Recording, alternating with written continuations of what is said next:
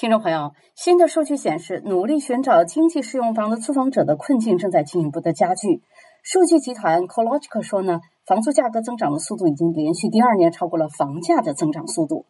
二零二三年租金价值增长了百分之八点三，超过了房价百分之八点一的涨幅，也超过了九月份之前十二个月工资百分之四的涨幅。那随着租房空置率处于历史新低，市场又急需要更多的供应推动价格下跌。那今天我们就为大家联系了悉尼 Plus Real Estate 的联合创始人令，我们来听一听他是怎么看待目前的这种情况。下午好，令。你好。报道提到了租金现在增长已经超越了房价的增长。您现在目前在工作当中看到的一个情况是怎么样的呢？我们在某一些特定的区域。现有的状况中，就是十二月、一月、二月的估的二月份的状况中，的确是租金的价格超越了房价本身，这个是有很现实的 case 的。我可以举一个简单的例子，比如说我们现在在 Green Square、Seven 或者 Waterloo 附近的所有的 open 开放的时候，任何一个物业开放都会有将近上百个 offer 进来。非常非常的惊人，但是虽然每一年都会遇到这样的情况，但今年的整体状况来说是远胜于往年的。我们简单拿房租的价格简单对比一下哈。目前为止，我们现在观望的情况是，一房不带车位、有简单家具的，它的房租已经达到了八百每个星期。而且这个是一开放就立刻有 offer 进，甚至不用现场看房就能租掉的。也就是说，房租市场已经竞争到不像原来说必须要来看房，然后我要犹豫，我有多个选择，而是立刻马上连看都不需要看就下定，因为很可能过十分钟就没有房源了。那是什么样的因素？你觉得导致了目前的这么火爆租房市场？大环境来说，首先，澳洲一直是处于一个缺房的状态中，不管是过去的几年，还是当前，甚至在未来的五年，澳洲是一直缺房的。人口增加，不断的有移民进来，不断的有游客进来，不断的有旅游签证的这些人进来的情况下，澳洲一直属于缺房，这是个大环境。第二呢，在当前的市场，十二月之前是个退租的旺期，但是十二月中期往后到一月份是学生开学。以及假期、短期签证大量进入澳洲的人群的增长期，所以在这个时间点找房是非常非常困难的一件事情。其实不单单是长租的，我们这样日制化的这种开放很紧俏，它甚至连酒店都非常紧俏。人们的这个生活圈子，他不希望在通勤或者说我其他额外的交通上会去承担更多的时间成本、精力成本、生活成本的状态下，他就会选择一些我就近的方式。比如说，我在这个地方上班，更集中式的，我就会在这个位置上这一圈的生活圈子，十分钟步行的圈子上找租赁的房子。然后第二个呢？我觉得跟人的生活状态有一个完整的变化性。你知道，三年之前我们的疫情的时候，人们是大量逃离这些拥挤的、嘈杂的区域，嗯，人口拥挤的这个 CBD 的区域。随着经济慢慢恢复过来，因为澳洲经济的确是在一个缓步的恢复过程中。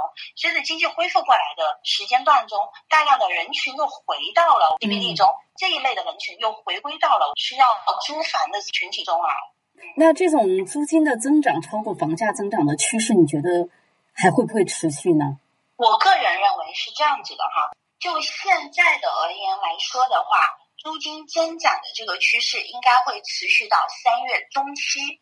在这三个月，每一年呢，它是有一定规律的，尤其是学生开学期或者就是年初的这一段时间，嗯，租金增长的趋势会高于本身房价增长趋势，卡在这个时间段内。那它当然是因为有人需求才会有租赁的这个需求在这里的，嗯但持续下来从全年来看的话，它会反而促使房价的增长，反而更促使人会投入到购房的刚需中，会投入到说我干脆买一套房子的这样的一个思维中去。嗯，那我觉得短期来看，这三个月它还会有一个慢慢往上涨。因为租金应该会在下个星期二月份大学的开学季中，还会有一个很明显上扬的趋势在。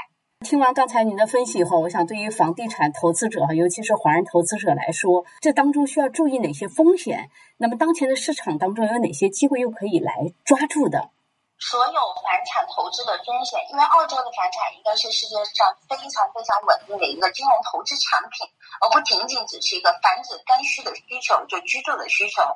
对于我们华人而言的话，所要考虑到的风险，我觉得非常非常重要一点。从我个人而言，非常真心给大家一个建议，就是不要扎堆。我所谓扎堆的意思，其实很好理解。就是当一个地区它的示范量过大的时候，你会看到同时间会有十几个楼盘同时开售的时候，这样的地区尽量谨慎一些，因为它的供应还是超过了当地这个地区的需求的。我们还是希望说，房产本身带来的收益是能够抵抗通货膨胀的，尽量避免一个供需不平衡的区域，这是一。然后第二呢？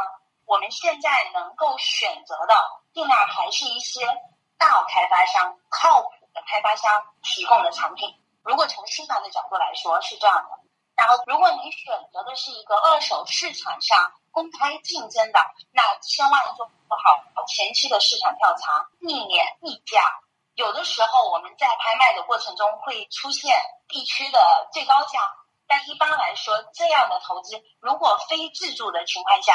我们一般会建议客户谨慎再谨慎。如果能够考虑到我刚刚说的这几点，那基本上你的投资至少不会，我们用简单的说法就是不会亏，只会收少挣和多挣的区别了。然后我们说一下有什么机会？机会现在其实集中在几个点。买房子呢，想通过房产投资挣钱，其实就是两个部分。